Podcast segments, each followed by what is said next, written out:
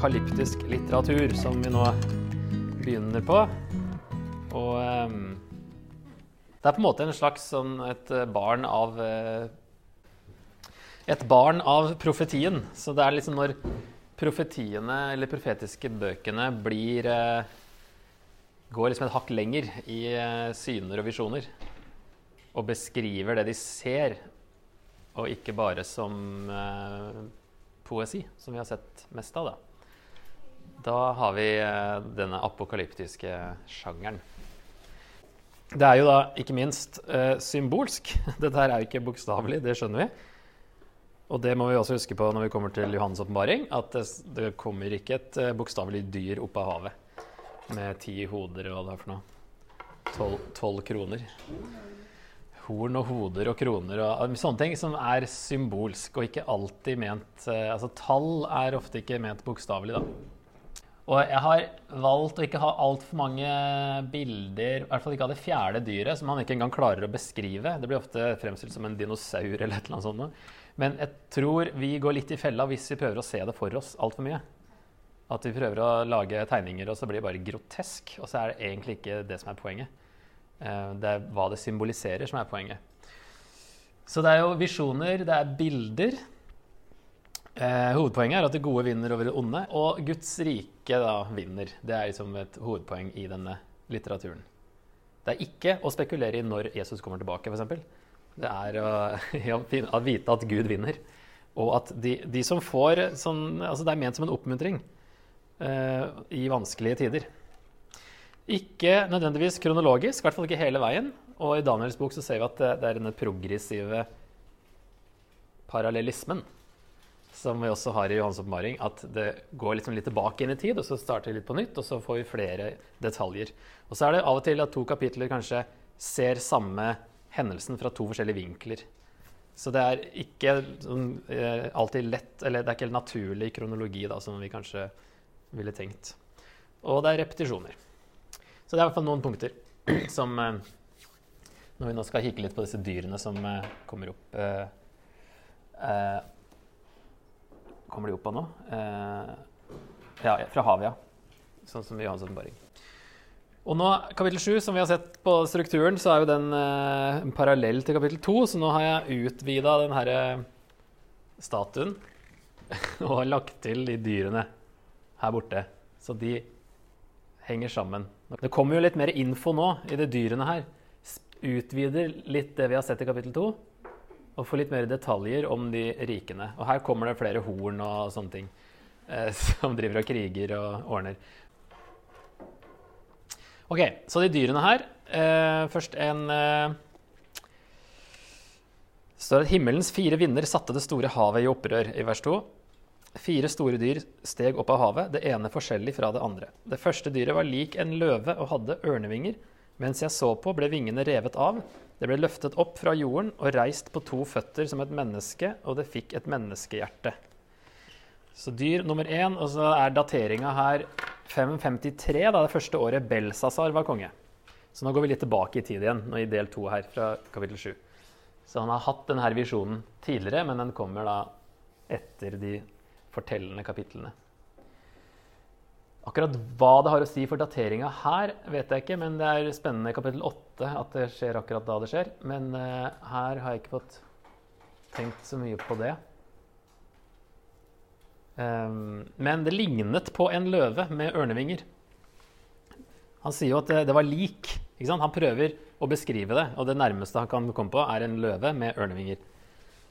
Så jeg vet ikke helt om det var akkurat det det var, eller noe som ligna. Uh, bildet her er jo da løve cirka, med ørnevinger. Har vel noen horn òg. Men eh, det, sånn, det, motivet var kjent fra babylonsk kunst, da, så det henger jo veldig godt sammen med at det er hodet på statuen som, er, som var Babylon, eller i hvert fall Nebukadneser. Um, og at det her er det samme riket.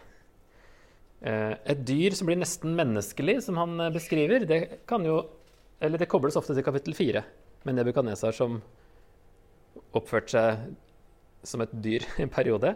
Og så, altså etter at vingene ble tatt av, ikke sant? og så ble han gjort um, Vingene ble revet av, det ble løftet opp fra jorden og reist på to føtter som et menneske. Så det er noe der som man tenker spiller på kapittel 4, da. Og Jeremia 4,7 og 50,17 sammenligner Nebukadnesar òg med en løve.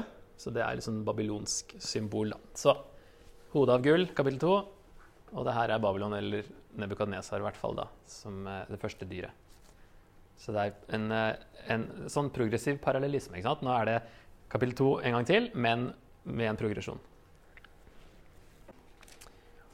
I vers 17 og 18 det er den forklaringa som eh, Daniel får. Disse store dyrene, fire i tallet, betegner fire konger som skal stå fram på jorden.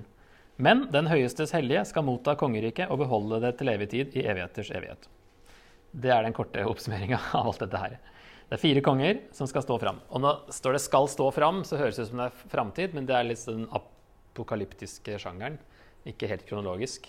Så det er jo veldig sannsynlig da, at det første er Babylon, selv om det allerede har stått fram når uh, han får dette her, da. Ja, OK, skal vi gå videre? så Oi. Så bare se litt på kortet her. Eh, media er jo den delen her ikke sant, som lå utenfor Babylon. Babylon var inni her mederne, og så her har vi Persia her. Så eh, Media og Persia var i samme område som var liksom østover her, da. Og nå kommer vi liksom til den Media-Persia-biten, eh, som er eh, dyr nummer to. En bjørn, står det. Det lignet en bjørn og ble løftet opp på den ene siden. Det hadde tre ribbein i gapet mellom tennene, og det ble sagt til det, reis deg og et mye kjøtt. Så da er det jo de to, da. Er det Media-Persia i en allianse, eller er det Media alene før allianse med Persia? Det at den er høyere på ene siden, sånn som den bjørnen her, den ene skulderen er høyere, eh, tolker man da, hvis det er alliansen, tolker man det som at Persia ble det mer dominerende, og etter hvert så ble det til det persiske riket. At eh, bjørnen er Media Persia, men Persia var sterkest. Derfor er den litt høyere. Um, hvis man ser det som media, så tolker man det som at uh, det var først et ledende rike, og deretter ble det en mindreverdig partner av Persia. Men det er fortsatt liksom media, bjørnen er media, som var først sterk, og så ble den svak på andre siden. Eller en allianse, da, og ikke den dominerende i den alliansen.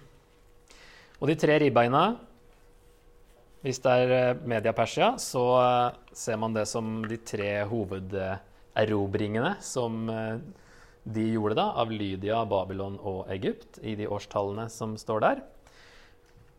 Hvis man ser på bjørnen som media alene, så er det Ararat, Mini og Ashkenas som nevnes i Jeremia 51, som har noe med media å gjøre. Skal vi se hva det sto der. Eh, 27-29. Løft bannere på jorden, blås i horn blant folkeslagene, hellige, hellige folkeslagene, til kamp mot Babel. Dette er jo eh, dommen over Babel i Altså Babylon. Ja, i Jeremia. Eh, Ararat, Minni og Ashkenaz, sett inn en hærfører mot henne, la hester rykke fram som bustete gresshopper. Hellige folkeslagene til kamp mot henne, medias konger og stattholdere, alle stormenn der det alle stormennene der og hvert land i riket. Herren, eh, jorden skjelver og vrir seg, for nå fullføres Herrens planer mot Babel og gjøre landet Babel til en ødemark hvor ingen kan bo.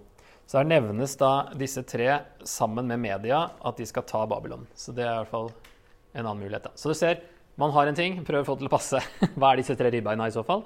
Og så går det an å få liksom flere ting til å passe, da. Ok, Bjørnen er jo litt treig. Eh, treig i forhold til en løve og treig i forhold til en eh, leopard, som er det neste dyret. Så det mener noen da passer spesielt godt på media, som ikke var så kjent for å være så veldig raske. da. Eh, I hvert fall i forhold til Persia, så var Persia mye eh, raskere. Eller ja, kunne symboliseres med et raskere dyr. Så tredje dyret er da en eh, Nå blir det litt sånn spasa, da, for nå er det jo en eh, fire hoder og fire vinger og sånn. Eh, deretter så jeg eh, og se, ett til. Det var som en leopard. Dyret hadde fire fuglevinger på ryggen, og det hadde fire hoder. det fikk herskermakt. Så da er jo det enten da det greske riket etter den tradisjonelle, eller det er Persia, eh, som etter hvert da blir en eh, allianse med media. Raskt dyr med vinger. Hvis det er grekerne, så ser man at det passer med at Aleksander den store kom helt til India på åtte år. Veldig rask erobring. Og at grekerne var mye raskere enn bjørnen Media. Tallet fire blir da de her fire generalene som riket blir delt mellom, som vi har vært innom. Hvis det er Persia, så er det de fire verdenshjørner kan være vingene, og fire konger kan være hodene. Det nevnes fire konger i 11.2. Eller at det ikke ved navn, men eh, enda tre konger skal stå fram i Persia, og den fjerde skal skaffe seg større rikdom enn de andre. Står det her. Og, så Persia var på høyden under Kyros, Kambises, Daraios og Serkses, som var de fire første store kongene, da. Og um, fire verdenshjørner passer òg med, med Persia på den måten at uh, Kyros beskrev seg sjøl som kongen over verdens fire hjørner. Så det kan være noe som spiller på det, da. Men igjen så går det an å koble deg til begge deler. Tallet fire. Var, og tar man det som regel bokstavelig når det er et såpass lite tall, kanskje, som fire. Men um, det er jo ikke alltid tallene er, skal tas bokstavelig i denne sjangeren. Dyr nummer fire, eh, som ikke ligner noen ting. Jeg håper Han klarer ikke å beskrive det. Det er vers eh, sju. Deretter så jeg i nattsynene og se et fjerde dyr, fryktelig og skremmende og veldig sterkt. Det hadde store jerntenner og åt og knuste, og det som var igjen, tråkket det ned med føttene. Det var forskjellig fra alle de andre dyrene og hadde ti horn. Jeg betraktet hornene og se, enda et horn. Et lite horn skjøt opp mellom dem. Tre av de første hornene ble rykket opp så det kunne få plass. Dette hornet hadde øyne som et menneske og en munn som talte store ord. Og Så er det som sceneskifte. Videre så jeg tronstoler ble satt fram, og en som var gammel av dager, tok sete. Klærne hans var hvite som snø, og håret på hodet som ull, ren ull. Tronen var flammende luer, og hjulene under den var luende ild. En elv av ild fløt fram og strømmet ut foran ham. Tusen på tusen tjente ham, titusener på titusener sto foran ham. Retten ble satt, og bøker åpnet. Jeg fortsatte å se fordi jeg hørte de store ordene som hornet talte, og mens jeg så, ble dyret drept, og kroppen ble knust og kastet på ilden for å brennes. Også de andre dyrenes herskermakt ble tatt fra dem, og livslengden deres ble fastsatt med dag og time.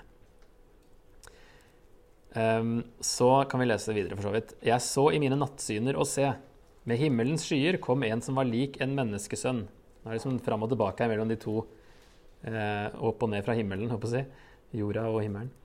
Han gikk bort mot den som var gammel av dager, og ble ført fram for ham. Han fikk herskermakt, ære og rike, så alle folk og nasjoner og tungemål skal tjene ham. Hans herskermakt er en evig makt som ikke skal forgå. Hans rike går aldri til grunne. Og så ble han urolig, Daniel, ja. synene skremte meg. Går bort og ber om en pålitelig forklaring, og så får han forklaringen. Fire konger, Guds rike. Og det lever, varer evig. Og så spør han om det fjerde dyret. Um, og vil vite mer om de ti hornene. Og det ene hornet og de tre hornene. Eh, så står det i vers, midt inne i vers 20 Dette hornet hadde øyne og en munn som talte store ord, og det så større ut enn de andre. Jeg så på mens dette hornet førte krig mot de hellige og vant over dem, inntil den gamle av dager kom. Da fikk den høyestes hellige sin rett, og tiden kom da de hellige tok over riket. Dette sa han. Det fjerde dyret betyr at det skal komme et fjerde rike på jorden, et som er forskjellig fra alle de andre rikene. Det skal sluke hele jorden, tråkke den ned og knuse den. De ti hornene betyr at det skal stå fram ti konger fra dette riket. Og etter dem skal det stå fram enda en konge som er forskjellig fra de andre. Han skal tvinge under seg tre konger. Han skal tale mot den høyeste og fare hardt fram mot den høyestes hellige. Han skal bestemme seg for å forandre tider og lover, og de hellige skal overgis i hans hånd i én tid, tider og en halv tid.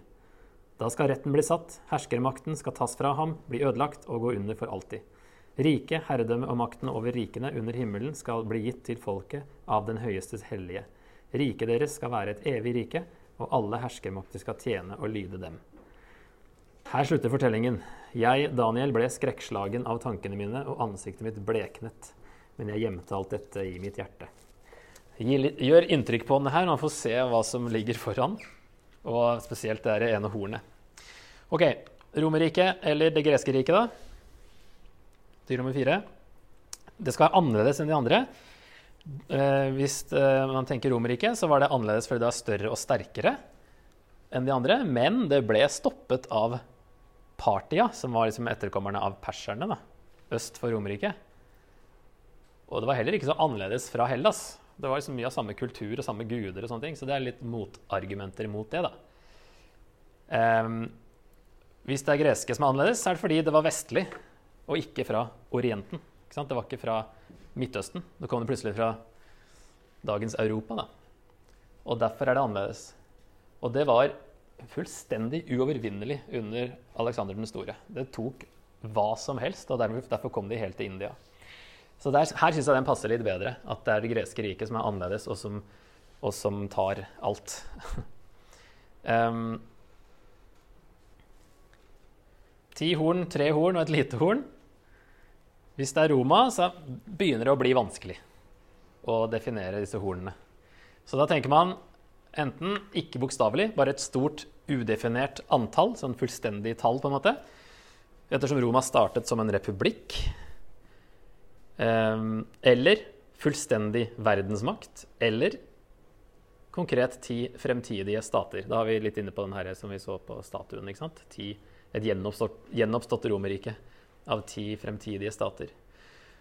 Og I så fall ser man på tre som et lite udefinert tall i forhold til de ti. Og det lille hornet som kriger mot de hellige, det er enten keiserne eh, generelt, eller Titus, som var han generalen som da ødela eh, Jerusalem i år 70, og som senere ble keiser. Eller Antikrist. Så da har man liksom ganske forskjellige eh, tolkninger der. Hvis det er eh, Hellas, så ser man det på enten som ti At etter at det ble delt i fire, så ble det etter hvert delt i ti. At det var ti På 200-tallet så var det ti uavhengige stater, det greske riket. Eller etterkommeren Eller ja, etter Aleksander den store, da. Eh, og tre av dem ble tatt av Antiokus den tredje. Faren til Antiokus den fjerde. Eh, eller man tenker at det er de sju første Selevkid-kongene, altså de her Antiokus-kongene, pluss de tre som Antiokus den fjerde tok av banen for å ta tronen, for han var egentlig ikke rettmessig arving. Um, og det fjerde hornet, da, eller lille hornet, blir i så fall da Antiokus den fjerde. Og at er han, da er vi liksom på makaber-tida, når han driver og kriger. I romersynet så er vi liksom i ja, enten under keiserne eller da helt i, eh, på slutten av verdenshistorien. Her kjenner jeg at det blir komplisert, så jeg skal ikke si mer om det. Men det var for å se litt eh, hvordan eh, man har tenkt. Og jeg må da innrømme at her blir det problematisk å holde på Romerriket, syns jeg i hvert fall. Ettersom det spriker så fælt, og det er vanskelig i hvert fall å definere det. Eh, men så kommer Guds rike der Gud er på tronen. Hvit står for renhet. Hjul på tronen. Husker du fra Esekiel 1? Der var det hjul inni hjul. Mobilt, ja. Jeg tenker altså, I Esekiel gir det veldig mening at Guds trone er mobil, fordi Gud kommer jo til Babylon. Han er jo ikke i Jerusalem. Han er plutselig hos eh, folket i eksil, som er i Babylon. Han har flytta ut fra tempelet for lenge siden. Fem år før det gikk under. eller noe sånt. Og her er det kanskje det samme, da, at, det en, at Gud er allestedsnærværende. Guds rike er overalt fordi Gud er mobil. Ja, flammer og ild er det her. Det kan jo være både dom, det er det som skjer, eh, og det kan være Guds nærvær, som ofte eh, beskrives med ild og Holdt på å si fyrverkeri, men ild og torden og røyk og sånne ting. Menneskesønnen får herskermakt når det fjerde dyret er drept. Hva sier Jesus i Matteus 28, 18 og 19? Misjonsbefalingen i Matteus. Hvordan starter den? Hvordan starter den? Meg er gitt all makt i himmelen på jorden. Ikke sant? Her har vi da menneskesønnen får herskermakt, sånn at folk og tungemål og nasjoner skal tilbe ham. Og det skjer når det fjerde dyret er drept. I visjonen her, da. Man regner ofte 27 før Kristus, som da romerne hadde tatt over. Så hvis du har greske synet her, så blir det drept ca. 20 år før Jesus kom, da. Og det er liksom sånn godt som innafor, si. Det er liksom rett etterpå. 20 år i denne visjonen her er jo egentlig ingenting. Når det spenner over 500 år, liksom. Um, hvis du har det romerske synet, så må man kanskje tenke andre komme. Jesu gjenkomst. For at det skal passe bedre. Da får man den splitten med den første og andre. Da. Og så er det interessant hvordan den jordiske kongen i Daniel har brukt uttrykket 'folk og nasjoner og tungemål' om liksom alle innbyggerne i sitt rike. Både tre ganger i kapittel 3, og i 4.1, og i 5.19 og i 6.26.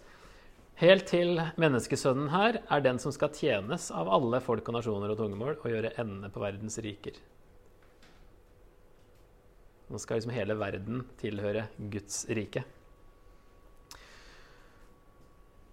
Og så er det litt vanskelig dette her med når skjer 13 og 14. Vers 13 og 14 her. Altså når, når får Jesus eh, all makt? Eh, når gikk han bort til den gammel av dager? Eh, på skyene. En, en, som kommer med himmelens skyer. Eh, når skjer det? Altså når Jesus kommer på himmelens skyer og får makt. For det kan jo både kobles til første og andre gjenkomst, eller altså, første gjenkomst, til himmelfarten og til gjenkomsten. Um, fordi han har sagt i Matteus 28, 18 sant, at 'meg er gitt all makt', så det virker som at det er det han får her. Og det sier han jo rett før han farer opp til himmelen. Efeserne 2,6 snakker om at vi sitter i himmelen sammen med Jesus. Og da kan vi si at vi har fått at riket har blitt gitt til de hellige, som det står skal skje. Og vi har på en måte fått blitt en del av det riket og, og blitt, eh, overtatt riket allerede, selv om Jesus ikke har kommet tilbake igjen. Salme 2 snakker om at eh, jordens konge driver og ypper seg mot eh, Messias, og Gud bare ler. Eh, så der har vi òg den, den eh, kontrasten der. Og da, da, sitter Jesus i himmelen eh, etter himmelfarten, da, på en måte, i Salme 2. Og da vil det jo være et argument i så fall for at det her skjer når Jesus opp i skyene, altså etter eh, Ja, i himmelfarten. Og det brukes som Jesus i Apostelens gjerninger 4, den salme 2. Og det passer med at rikene fortsetter å være i live, som det står i 7.12 her. Eh, at de er der fortsatt etter at menneskesønnen har fått all makt. Det passer bedre på førstekomme enn andrekomme. Hvorfor skal de være der etter at Jesus kommer igjen? Og, og fortsette liksom å ha noe tid igjen, da. Som det høres ut som at de har. Men det kan være begge deler, tenker jeg. Grei sånn måte å harmonisere på, siden Daniel ser Guds rike Guds rikes komme som én hendelse. Fordi Jesus sjøl bruker jo Matteus, i Matteus 24, 30, den talen om tempelets fall og sin gjenkomst, så sier han at menneskesønnen skal komme på himmelens skyer, som et sitat av Daniel her. og Da bruker han det om sin gjenkomst. 2664, da er det rettssaken. Han står foran ypperstepresten, og han sier at du skal få se, eller menneskesønnen skal sitte ved kraftens høyre hånd, og dere skal få se ham komme på himmelens skyer. Da høres det ut som at det er etter han sitter ved kraftens høyre hånd, og han skal komme på himmelens skyer istedenfor å gå opp med himmelens skyer, hvis det er himmelfarten. Samme i åpenbaringen 1.7. Og i åpenbaringen 2012 så er det snakk om at bøker ble åpnet, som det også er snakk om her, og da er det jo dommen etter gjenkomsten. Så her blir det vanskelig å holde på én av de, syns jeg. Um, om det er Jesu himmelfart eller om det er Jesu um, gjenkomst. Så vi kan bare si at eh, Guds rike det er én hendelse hos profetene, og derfor kan det på en måte passe begge. Og at det er ikke kronologisk, vi må ikke henge oss opp i detaljer. Guds rike kommer, bang, det er det viktigste. Og menneskesønnen overtar eh, makta her, da. Som steinen i kapittel 2, menneskesønnen i kapittel 7. Som en videre åpenbaring av steinen. Så bare få inn det hovedpoenget, vers 16, og, 16 til 18. Disse store dyrene, fire i tallet, betegner fire konger som skal stå fram på jorden, men den høyestes hellige skal motta kongeriket og beholde til evig tid i evigheters evighet. Det er det viktigste i kapittel 7. Så det må vi ikke miste av syne. Hvordan kan dette hjelpe oss til å leve som borgere av Guds rike? kan være oppmuntrende i det hele tatt å få sånne dyr og visjoner. og ser nå i hvert fall at menneskesønnen kommer og overtar, får all makt. Jeg har i hvert fall skrevet Vi lever allerede i dette kongeriket og skal beholde det til evig tid, i evigheters evighet, som det står. Jesus skal herske for evig. Hans rike går aldri til grunne. Det gjentas ganske mange ganger at det er evig, går aldri til grunne. I evigheters evighet. Og Tilbake til misjonsbefalingen. Meg er gitt all makt i himmel og på jord. Hva, hva sier den videre? Gå derfor ut. Ikke sant? Eh, den derfor tenker jeg har noe med det her å gjøre. Da. At eh, Jesus har fått all makt her. Og fordi han har det, for å på en måte oppfylle Daniel 7 her, så det, det skal, altså Han får all makt, så alle folk og nasjoner og tungemål skal tjene ham. Og da er det det som er vår oppgave nå. Å få alle folk, nasjoner og tungemål til å tjene ham, han som har fått all makt. Oppgaven vår som borgere av Guds rike mens vi er på jorda, er å jobbe for at dette skal skje. Så her eh, jeg tenker, virker som at uh, Matteus 28 spiller på Daniel 7, 14. Og siden Jesus åpner sånn som han gjør, og at det står der at når han får all makt, da skal alle tjene ham, og så er det da en mellomperiode som vi jobber mot det sammen med Gud.